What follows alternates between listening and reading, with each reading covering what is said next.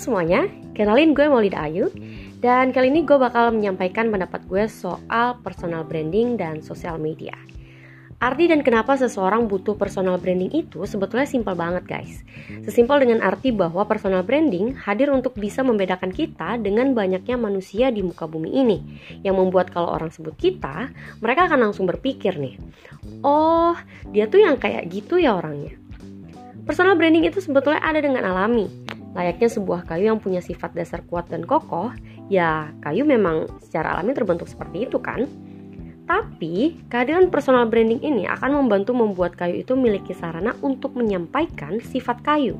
Kalau personal branding yang disampaikan kayu itu kuat dan kokoh, ya akan diketahui bahwa kayu itu kuat dan kokoh. Sebaliknya, kalau gagal, sifat alami yang tersampaikan untuk orang banyak itu sangat berbeda. Personal branding yang memang secara alami dimiliki oleh setiap manusia, ternyata memang butuh bantuan untuk menyampaikannya agar dapat diterima dengan baik. Di zaman teknologi ini, biasanya personal branding bisa dibantu dengan sosial media. Misalnya, seseorang yang bijak dapat dilihat dari konten-konten yang diunggah, seperti quote-quote dan ceramah, tidak pernah mengumbar keluhan, atau bisa juga rekaman kegiatan-kegiatan sosial yang diikuti. Hal ini sah-sah saja. Semua orang punya cara yang masing-masing menunjukkan seperti apa ia ingin dipandang oleh orang lain. Dan rekam jejak digital juga menjadi cara untuk mengetahui bagaimana kehidupannya berjalan. Bisa juga jadi cara seseorang menilai pribadi seseorang dan menentukan seperti apa sebetulnya personal branding yang dilakukan. Tapi tentunya tidak dengan cara pencitraan. Nah, maksudnya gimana nih? Misalnya, kita ingin personal branding dengan karakter lugas, tegas, dan bertanggung jawab. Lantas membagikan tips-tips pemimpin yang baik, menulis berbagai saran yang sangat kritis, atau menunjukkan potongan gambar saat tergabung dalam kepanitiaan. Tapi sebetulnya kita nggak seperti itu. Kita nggak begitu dan belum menjadi karakter itu. Di dunia nyata, faktanya pun tidak begitu. Gambar-gambar yang dibagikan dan terlihat sangat memukau ternyata bahkan ketika kita tidak memiliki peran apa-apa di dalamnya. Atau tips-tips dan saran yang diucapkan tidak didasari dengan pengalaman di lapangan. Parahnya lagi, berkata bijak tentang perubahan dunia, tapi sebetulnya tidak melakukan apa-apa. Lantas apakah personal branding yang kita lakukan berhasil? Tidak, karena sekuat apa pun sosial media mempengaruhi cara pandang terhadap suatu hal, Tindakan yang dilakukan dan benar-benar diaplikasikan adalah kekuatan terbesar dalam sebuah personal branding. Karena sekeras apa pun suara kita meneriakkan bahwa kita adalah orang yang bermanfaat, personal branding yang semu tidak akan pernah bisa membantu suara sumbang itu.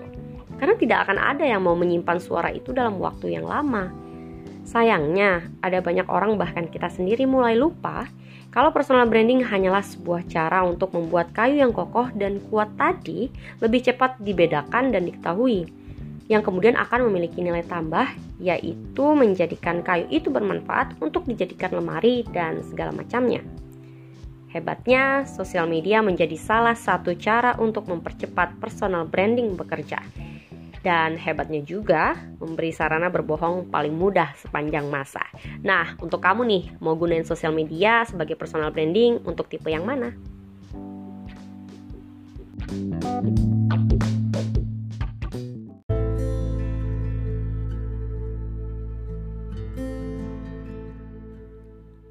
Hello, and welcome again at my podcast channel.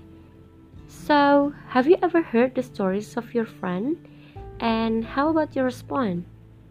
Isn't it when your friends are disappointed, then you ask them not to over respond to the world?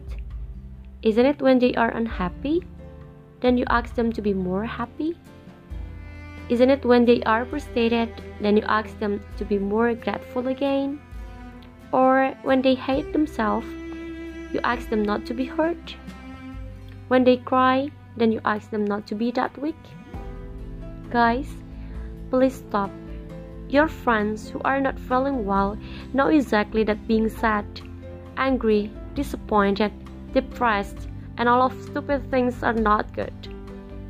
But you know, they just feel it. They just can't deny it. They are in it. So, what's good by telling it to them and force them to smile beautifully when they don't even want it? And you know it will be feel sucks to be so fake at that time guys do we realize that we are busy giving a solution without ever accepting that the only they need is by telling them that it's okay if they're not okay. So maybe we could change our response this way. Uh, it would be fine if you are disappointed.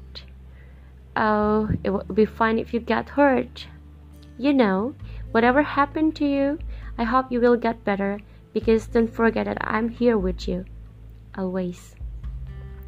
So, caring is not always about giving solution.